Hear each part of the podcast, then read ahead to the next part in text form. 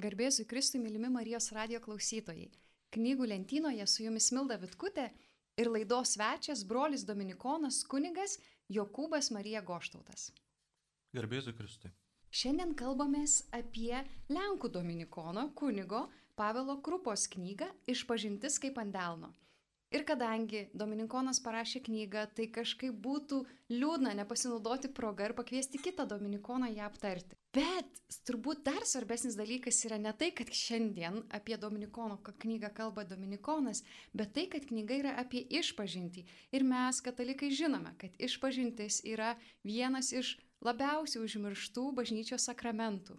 Galbūt ne tiek pamirštas sakramentas, kiek dažniausiai, man atrodo, pagrindinis dalykas yra samoningumo praradimas. Ir man atrodo, ši knyga, kurią išleido Katalikų pasaulis, įsirašo būtent į keleto knygų seriją, kurią pavadinčiau krikščioniško samoningumo mokyklos knygos. Reiškia sugrįžimas prie pagrindų. Ne šiaip kažką gražaus parašė, man patiko ir aš nuėjau. Būtent ši knyga įsirašo būtent į tą samoningumo ugdymo knygų sąrašą, kurios pasirodo lietuvių kalba. Kodėl išpažintis pamirštama tampa, nes galbūt pamirštame, kad e, santykiai visuomet nėra tik tais džiaugsmas, įsiskirimas ir pabėgimas, arba susitikimai tik tais. Santykis taip pat, e, kai kūrėme santykį, santykis turi savo ne tiek taisyklės, kiek savo principus. Kiekviename santykėje taip pat egzistuoja ir atsiprašymo momentas, ir prašymo momentas. Vėlgi tuomet sugrįžtame prie pagrindinių klausimų, kas yra malda, vad būtent, jeigu kalbam apie santykį su Dievu. Maldos principai kokie yra, kokie yra sakramentų priėmimo principai, Euharistijos priėmimo principai, nes galime tą patį pasakyti irgi apie Euharistiją kaip tokią Na, va, aš sudalyvau mišiuose, o kas yra Euharistija, kas yra Euharistijos prieimimas? Tas pats yra su išpažintimi. Kur dingo išpažintis? Ar tai yra, kaip aš sakau, ateina žmonės pas mane pasikalbėti tiesiog ir, ir dažnai iškyla taip pat šitas klausimas dėl išpažinties. Kodėl eiti išpažinties? Ir, ir visuomet sugrįžtu vat, būtent prie to santykio klausimo, ar ne? Išpažintis yra ne sąskaitų suvedimas Išpažintis yra būtent santykių atkūrimas, kuomet aš ateidamas į Dievo šviesą, būtent atsineždamas tą savo tiesą toks, koks esu, klausiu, viešpatie, na, vad parodyk, kas man trukdo pilnai išgyventi santyki su tavimi, santyki su manimi pačiu, santyki su kitais žmonėmis. Ir iš tikrųjų tuomet pradeda matyti tą išpažinti kitaip. Kada aš į Dievo šviesą atsinešu, taip, vad šitas problemas santykio, bet ir ką tos problemos atsineša ir būtent tai yra nuodėmės. Nes nuodėmė atskiria mus. Nuodėmė, kai padarom prieš save pačius, ar ne, tai mes greunam santykių su savim pačiais, kas mes esame iš tikrųjų patys. Taip pat santykių su Dievu vėlgi, santykių su kitu žmogumi. Tai yra nuodėmės. Knygos autorius Dominikonas tėvas Pavelas yra viduramžių istorikas ir taip pat Švento Tomo Kviniečio specialistas.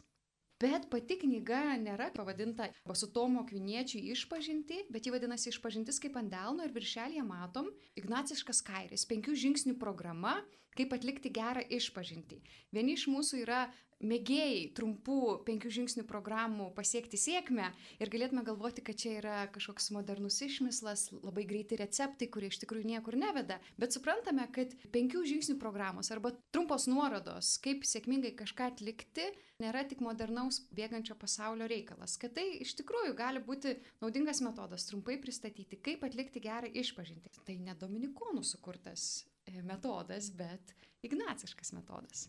Kas yra įdomu, kad e, brolis Pavel, jisai paima šitą paveikslėlį, būtent iš Ignaco Lojolos knygos dvasinės pratybos, tačiau jisai tarsi pakeičia iš tikrųjų tai, ką pateikia šitas paveikslėlis, nes paveikslėlyje iš tikrųjų, kaip jis pats rašo toje knygoje, yra penki žingsniai, bet penki knygos skyriai nėra apie tuos penkis žingsnius pagal paveikslėlį. Tai yra tiesiog kaip įvaizdis būtent, kad yra penki skaičius. Tai penki žingsniai atlikti gerą išpažinti ir penki žingsniai tam paveikslėlį, kaip vat, pirmasis dėkok, prašyk šviesos, ištirk, gailėkis, pasiryšk. Tai yra tai, kas pateikta paveikslėlyje. O kaip matome, knygos skyriai yra daug plačiau, tai būtent apie sąžinės sąskaitą, gailestį ir nuodėmės, pasirežimus taisytis, nuodėmių išpažinimą, atgailą arba atsilyginimą.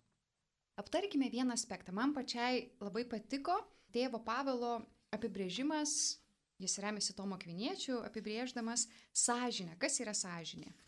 Jis sako, kad sąžinė visada yra savo žinių pritaikymas veiksmu kad tu turi žinojimą, kas yra gerai, kas yra blogai ir sąžinė atsakinga pritaikyti, kad mano viduje ne, neįvyktų skilimas ir aš elgčiausi kaip vientisas žmogus, kaip mastau, taip atitinkamai ir elgiuosi. Tikrai taip. Ir ką svarbu galbūt čia pažymėti, kad tai yra ne žinių pritaikymas, tai yra žinojimo pritaikymas. Ir būtent žinojimas, kuris yra būtent mano gyvenimo taisyklė. Nes žinojimas vėlgi įmant, pavyzdžiui, bažnyčios tradiciją, mes kalbam apie išmintį. Tai yra gyvenimo kelionė, kuomet taip yra žinios, kurias sukaupiu, bet taip pat ir patirtis, kurią išgyvenu. Ir būtent tai galėtume sakyti ir įeina į šitą žinojimo apibrėžimą. Reiškia, žinojimas yra daug daugiau negu žinios. Tai yra gyvenimo taisyklė, kurią aš pritaikau konkrečiam savo veiksmui. Pasakyčiau, kad šios knygos vedamoji mintis viena iš vedamųjų minčių yra tokia, čia ne apie jausmus, mes čia dabar apie protą kalbame. Taip pat, pavyzdžiui, kalbėdamas apie atgailos aktą, kad mums reikia gailėtis. Ir tėvas Pavelas Krupa sako, mums nereikia jausti kažkokių jausmų, visur veikia protas. Bet ką daryti, jeigu tu nesi žmogus, kuris pirmiausia viską apmastai, bet jausmai yra tavo vat, pagrindinė veikimo taisyklė gal tada tu nenorėsi paimti šios knygos į rankas, gal jie atrodys tiesiog ne man pritaikyta. Be abejo, ir iš tikrųjų šiandien yra labai daug kalbama būtent kaip tikėjimas, kuris kaip ir sužadinantis jausmą kažkokį. Iš tikrųjų tai, ką kalba krikščionybė ir ką liudija krikščionybė, kad žmogus yra visuma. Nėra tik jausmai, nėra tik protas. Yra visuma, kuri būtent ir apibūdina žmogų kaip tokį. Jeigu, pavyzdžiui, išmestume protą, ką mes tuomet liudytume, kad Dievas yra beprotis, Dievas yra neprotingas, jis yra kvailas.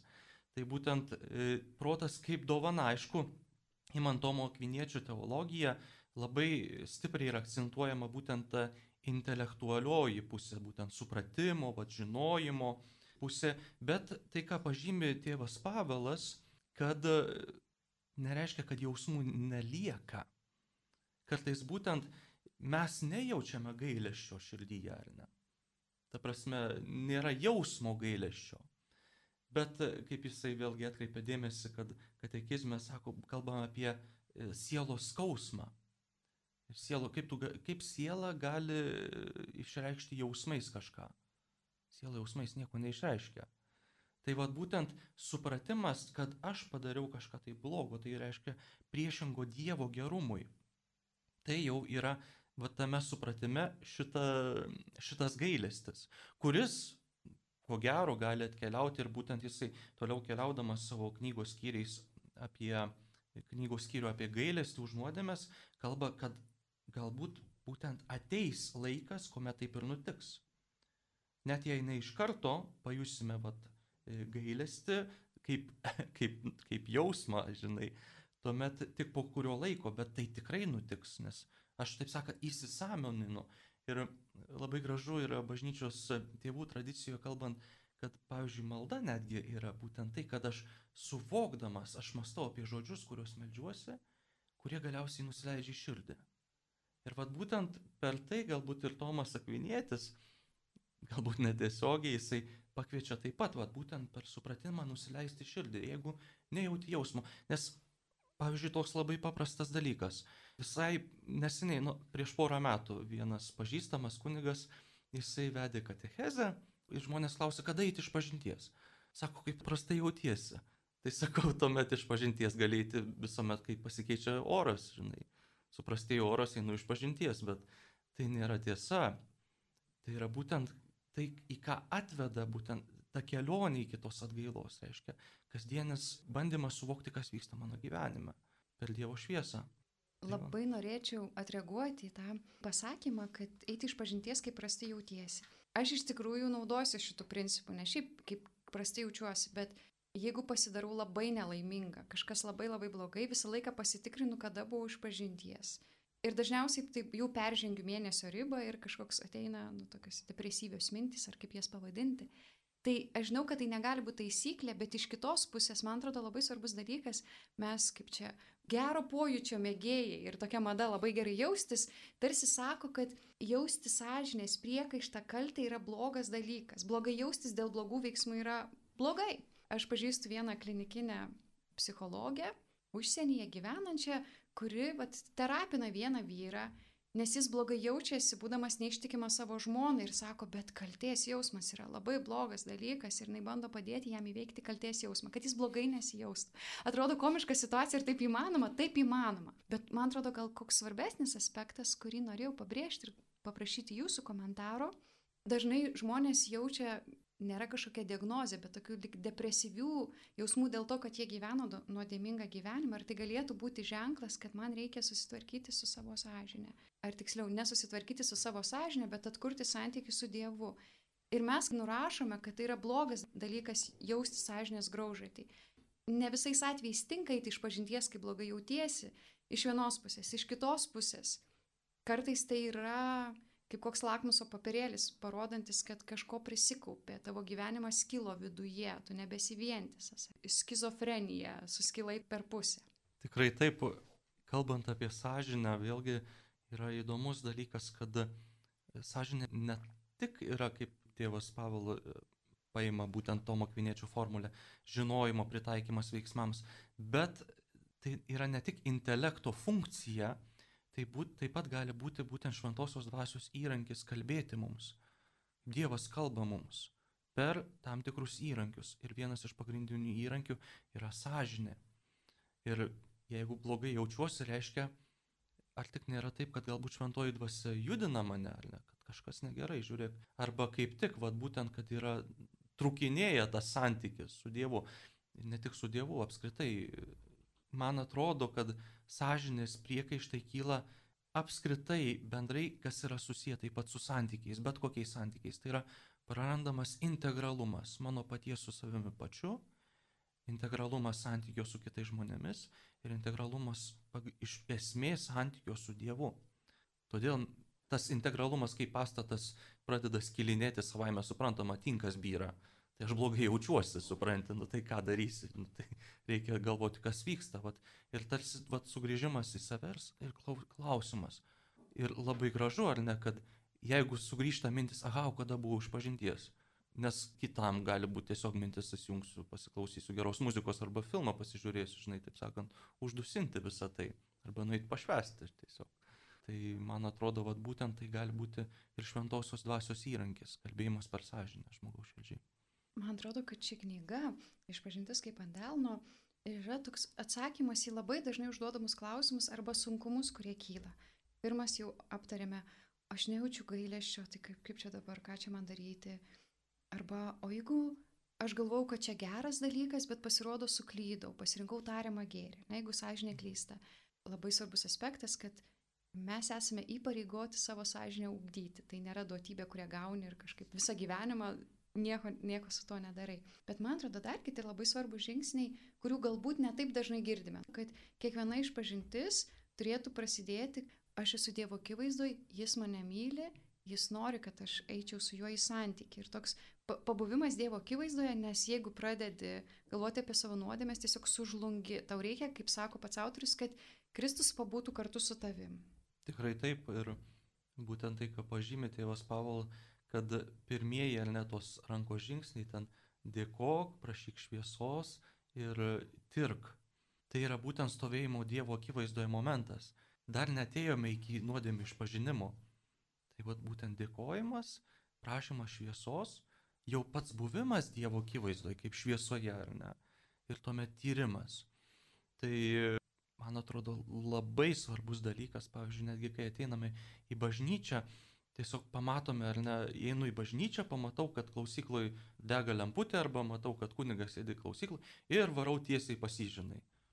Galbūt kaip tik vat, būtent yra momentas, kai aš sustoju, nurimstu ir tuomet tarsi vat, pasiruošiu širdyje eiti prie klausyklos. Galbūt irgi tokie yra irgi žmonių problema, ar ne, kad jie susijaudina labai stipriai.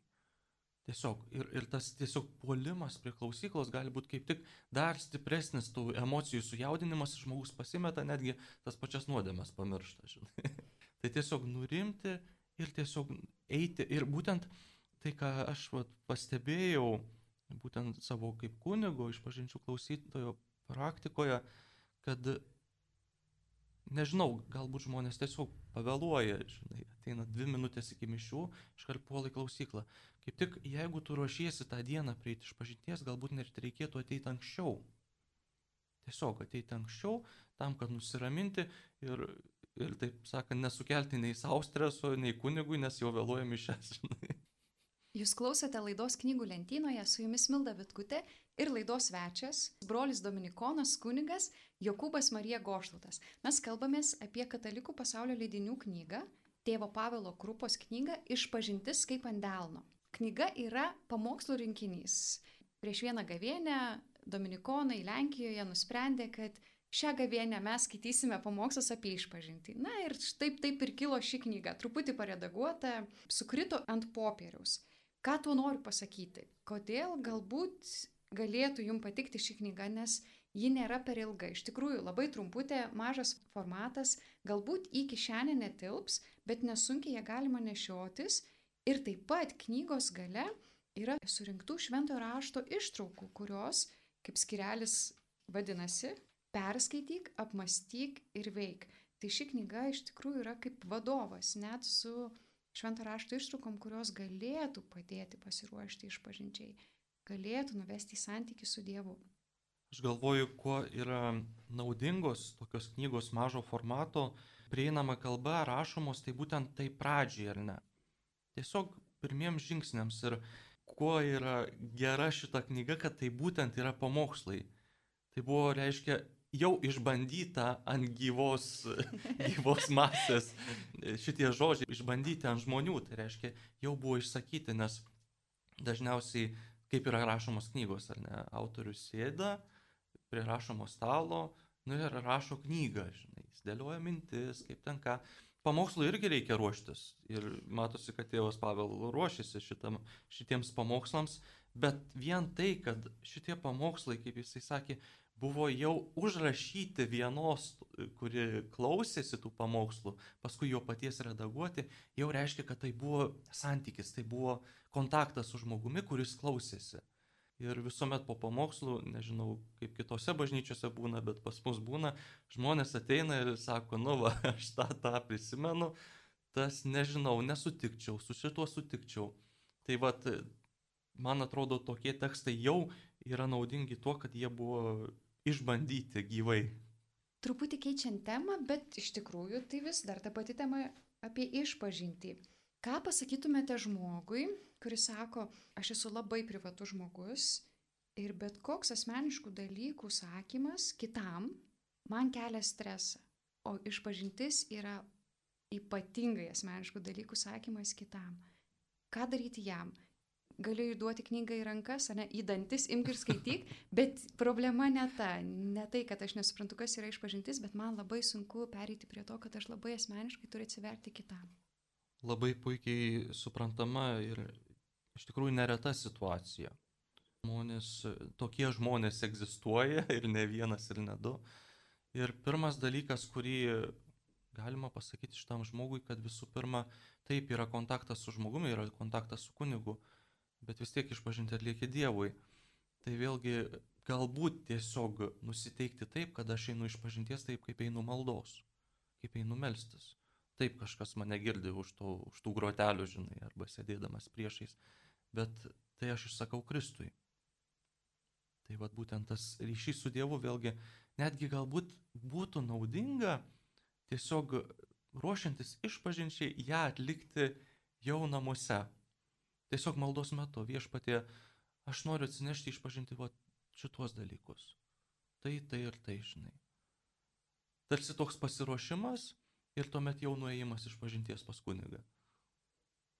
Aišku, jeigu sudėtinga, galbūt taip pat reikėtų pasakyti kunigui, kad vat, jaudinos, kad man yra sunku, kad aš turiu uh, vat, problemą vat, dėl, šito, dėl šito dalyko, kad reikia kalbėti, kad vat, turiu, kaip, kaip čia pasakyti, esu labai toksai intimus žmogus, kuriam sunku yra išnešti dalykus. Ir tiesiog pasakyti tai kunigui. Ir kunigas tikrai, man atrodo, turės būdų, kaip, kaip tiesiog nuraminti žmogų. Arba pagos nereikia laikyti kunigų kvailais, vis tiek jie, jie, jie yra ne mašinos, jie taip pat yra žmonės ir jie puikiai supranta, kad to labiau ypatingai tie kunigai, kurie turi daug metų praktikos iš pažinčių klausime, tam vad būtent nuraminime, kad galbūt netgi kitą būdą paimti, nes išpažinčiai atlikti, kadangi tai, kas pas mus įprasta, pavyzdžiui, Lietuvoje, tai išpažintis yra klausykla, ne grotelės, bet kai kuriems žmonėms būtent dėl tų grotelių yra sunku, jie, jiems stresas kyla būtent dėl šito, tai galbūt tiesiog zakristijoje, tiesiog pasikalbėti arba raštinėje, atlikti išpažinti būtent tokiu būdu, kaip pasikalbėjimo būdu, o ne už grotelių, kur tiesiog žmogui stresas kyla. Kaip sakėt, broli Jokūbai, kunigai daug ką supranta, patirties turi, bet, kaip sako tėvas Pavelas, jeigu nepasisekė, sutikot tokį su mažiau patirties, jis sako, jei abejojate nuodėm klausio protingumu ir išvalgomu, tai dar yra Kristus. Juo tai jau tikrai galima pasikliauti. Man labai patiko ši mintis, tiesiog garsiai kvatojau skaitydama. Ir apskritai, skaitant knygą, yra tokių gražių perlų. Ne per daug, tai nėra vien kažkaip aforizmų knygelė, bet karts nuo karto tėvas Pavlas leidžia tau palisėti, smagiai pasijuokus, bet kartu pasako ir labai rimtus dalykus. Tikrai taip, ir man atrodo, šitos knygutės aktualumas iš to ir kyla, kad jisai turėjo sakyti pamokslą. Kad žmonės neužmigtų, vis tiek reikėjo kažką tai įterpti, būtent žmonės sujudinti, žinai, kad žmonės pradėtų savęs klausti, vad būtent sudominti kažko. Tai yra pamokslininko kalbėjimo principas. Ir tada galbūt pasakytume, kad ši knyga nes, ne tik skirta tikintiesiam, kurie norėtų išmokti atlikti gerą išpažinti, bet taip pat ir kunigams, kaip pamokymas, kaip sakyti gerą pamokslą. Čia gal metam akmenį jūsų daržą, pakviečiau laidą ir dabar mėtau akmenis, kad iš tikrųjų mes norime, kaip tikintieji, gerų pamokslų. Duokite mums kietos duonos, nenorim limonado, norim tikro gėrimo, duokit vyno, ar kaip čia, kokį čia palyginimą pateikti. Ir ši knyga yra pavyzdys, kad tu gali kalbėti apie labai rimtus dalykus labai rimtai, bet kartu su, su trupučiu humoro, kai reikia, paprastai, bet neprastai. Tai jeigu kartais, nu gerai, čia specialistė Milda Vitkutė sako, jeigu kartais kunigė neturite laiko pasiruošti išpažinčiai, gal tiesiog paskaitykite skyrių iš šios knygos. Tikrai taip. E, ir svarbiausia, ir sakė Milda, tai būtų pavyzdys, kaip pamokslauti reikia bet taip pat e, iš tikrųjų man pačiam skaitant šią knygutę, iš tikrųjų labai daug patarimų pačiam, kaip e, kai ateina žmonės, bet būtent ką patarti dėl tos pačios išpažinties, nes apie išpažinti klausimų labai dažnai kyla. Tiesiog žmonės ateina, kodėl sako, aš turiu kunigui atlikti išpažinti, o ne išėjęs į mišką, žinai, medį apsikabinęs. Būtent dėl to, kad per tai vyksta santykis, kunigas yra kaip tarpininkas, būtent tas, kuris suteikia išrišimą Kristaus vardu, ne savo vardu, Kristaus vardu. Kadangi užsiminėt, ko jums pačiam, kaip dvasios palidėtojai svarbi ši knyga, tai klausimas, kokia mintis jūs kaip žmogų, kaip tikinti jau užkabino skaitant tėvo Pavelo knygą?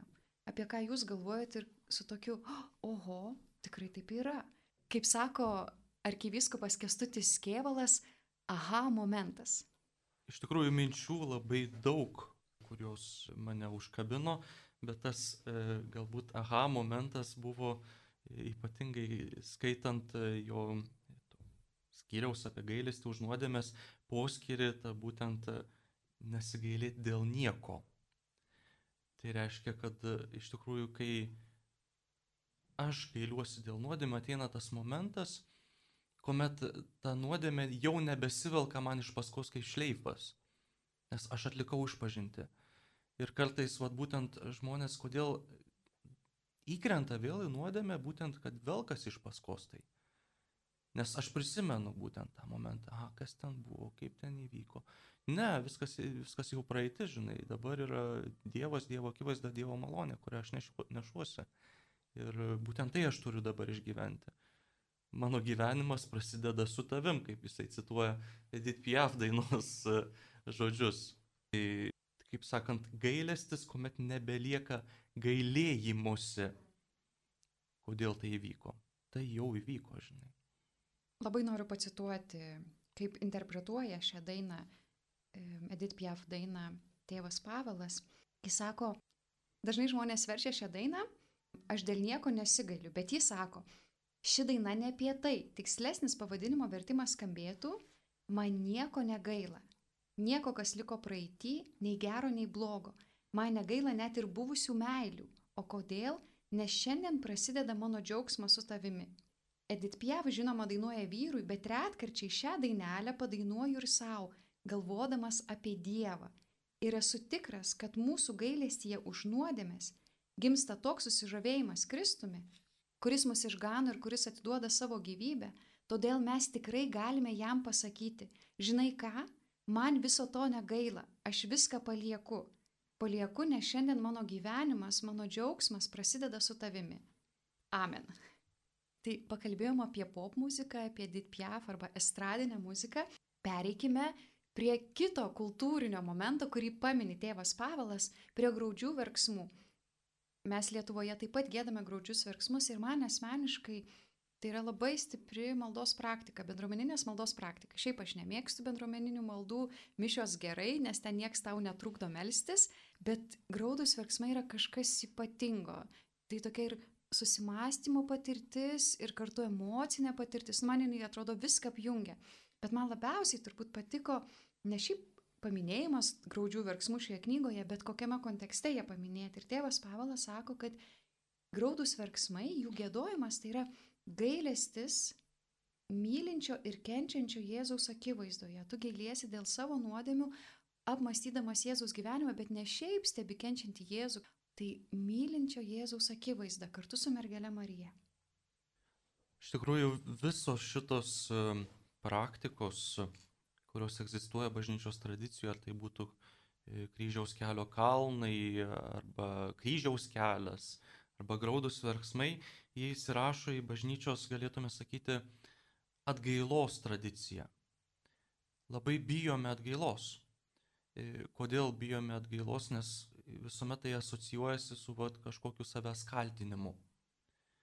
Iš tikrųjų, atgaila būtent yra tai, kas plauna. Atgaila yra duota mums kaip dovana, kaip privilegija. Ir kodėl būtent tėvas Pavel įtraukia E, būtent šitą pavyzdį apie graudžius verksmus, kad, kad tai būtent yra liudijimas, kad Dievas mūsų niekuomet nepalieka vienų. Tai reiškia, netgi gailėšio metu mes nesame vieni, kad Dievas ateina būtent į mūsų gyvenimus ir paskui jisai vėlgi paima pavyzdį iš bažnyčios tradicijos, kad atgaila būdavo duodama jau po nuodėmio išrišimo pradžioje reikėdavo atlikti atgailą, paskui gaudai nuodėmį išrišimą, o dabar reikia, taip sakant, tu gauni nuodėmį išrišimą, atlieki atgailą. Tai reiškia, kad to santykio atkūrimui vien, vieno manęs neužtenka, aš turiu gyventi malonėje, jau būti malonėje, kad Dievas mane galėtų lydėti.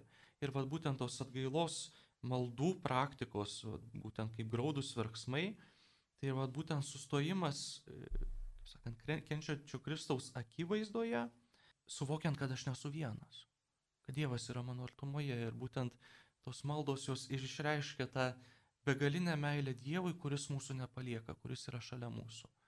Kaip tėvas Pavel irgi rašo šitam skirelį, žmogelis klūpo ir žvelgia į kryžių, kai apgailiu savo nuodėmes, su manimi būna Jėzus Kristus ir jo kryžiaus auka. Ir aš suvokiu, kad ant kryžiaus kabo taip pat ir mano nuodėmės. Ne aš esu prikaltas ant kryžiaus, Kristus su mano nuodėmėm, aš esu tik apačioje, žinai. Tarsi Dievas, vad būtent pasiima mano nuodėmės nuo manęs ir nešasi kartu su savimi. Būtent, tos, būtent todėl tos maldos praktikos, kryžiaus kelio kalnai, kryžiaus keliai, e, graudus verksmai, tarsi taip turi sužadinti jausmą, bet tai yra jau sielos jausmas. Tai yra sielos atsidavimo Dievo jausmas. Ir tas vat nuolatinis pasikartojimas, ats, o Dieve mėliausias, o Dieve mėliausias, o Dieve mėliausias, žinai, tu šlovingiausias, tu mylimiausias. Nes tai vat būtent yra žmogaus laikysena Dievo akivaizdoje. Tos meilės, Dievo begalinės meilės akivaizdoje stovint. Netaip seniai Vilniuje lankėsi ortodoksų kunigas, tėvas Deimik. Lietuviškų šaknų, bet ortodoksų kunigas. Ir prieš jam atvykstant aš paklausiau keletą jo tinklalaidžių ir man labai patiko vienas aspektas, kurį atrodo ortodoksų bažnyčioje labai pabrėžia, katalikų bažnyčioje galbūt mažiau. Tėvas Deimikas pabrėžia, kad labai svarbu neprarasti supratimo apie Dievo didybę, kad jis yra visagalis, nepriepiamas.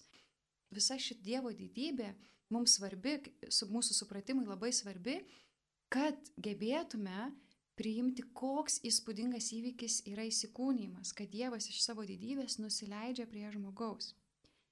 Ir kartais gali pasirodyti, skaitant šią knygą arba klausant mūsų, mes kalbame kaip arti yra Jėzus, jis laiko mūsų rankos, o Dieve meliausias, čia mūsų bičiulis ir taip toliau. Ir atrodo lik toks per familiarus santykis su Kristumi. Tai kaip išlaikyti gerą pusiausvyrą tarp Dievo didybės ir Dievo artumo? Nes greičiausiai viena iš priežasčių, kurie, kodėl taip sunku eiti iš pažinties, kodėl mes jaučiame gėdą arba, baimę, tai kartu ir supratimas, kad kai eini į santykių su Dievu, visada jautiesi ir teisiamas, vertinamas. Atsistojus Dievo akivaizdoje, tai, kas mus nuteisia, esam patys savo. Kodėl? Kad vad būtent mes atsistojame Dievo, kuris yra begalinė meilė akivaizdoje. Dievas yra begalinis, nesuvokiamas, nepriepiamas. Dievo meilė mums yra nesuvokiama. Visos mūsų meilės jos nesuvokia, kas yra Dievas. Ir būtent žmogus atsistoja va šitos didybės akivaizdoje. Tai yra teismas. Tai yra pagrindinis teismas. Ir galbūt didžiausia bėda šiandien tai, kad žmogaus didybę mes iškeliam aukščiau už Dievo didybę. Ir tai, ką tai padaro būtent mūsų santykėje su Dievu, tai kad mes atsistojam Dievo vietoje.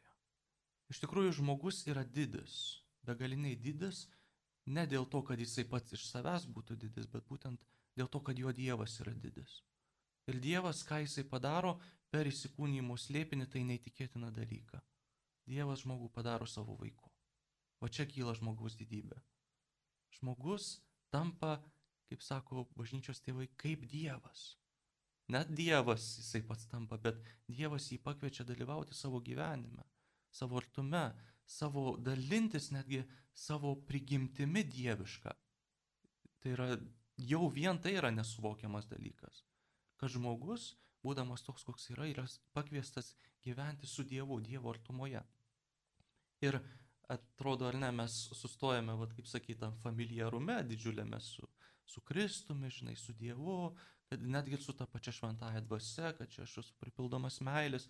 Tai yra nemeilis jausmas, tai aš esu pripildomas viso to, ko Dievas iš manęs nori. Tai, ką Dievas man dovanoja. Dievas vienintelio dalyko, kurio man nori, tai būtent dovanoti man savo meilę. Ir tai vat, yra neįtikėtina.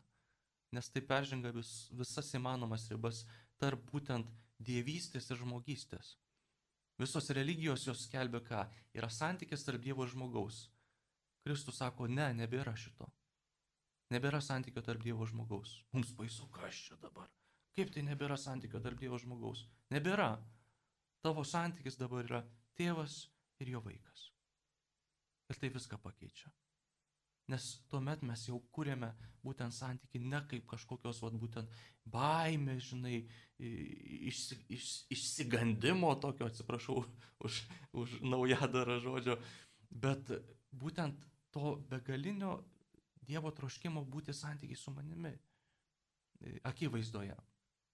Ir teismas, vat, būtent išpažinties metu, kuris vyksta ir kuris vyks taip pat po mūsų mirties ar ne paskutinę dieną, tai būtent ir bus atsistojimas prieš tą begalinę meilę žmogui. Prieš tėvo meilę vaikui. Ne su bizūnų tėvas stovės, bet su beribės meilės akimi žiūrėdamas į mane. Ir aš iš tikrųjų pats save nuteisiu, nes aš matysiu tą meilę ir matysiu, kiek mažai man buvo meilės man, manyje per mano gyvenimą. Kaip mėgsta kartoti vyskupas Robertas Beronas iš Amerikos, kuo skiriasi krikščionybė nuo kitų religijų, kad kitose religijose Dievas ieško žmogaus, o judėjo krikščioniškai tradicijai Dievas yra tas, kuris ieško mūsų. Tad, mėly Marijos radio klausytojai, galbūt ši knyga galėtų būti jums kvietimas nueiti iš pažinties O jei reguliariai einate iš pažinties, tai kaip sako pats tėvas Pavelas, ši knyga gali padėti gerai atlikti iš pažinti. Jūs klausėte laidos knygų lentynoje, su jumis buvo Milda Vitkutė ir laidos svečias brolis Dominikonas kunigas Jokūbas Marija Goštautas. Kalbėjomės apie katalikų pasaulio leidinių knygą Tėvo Pavelo Krupos Išpažintis kaip ant delno. Sudė.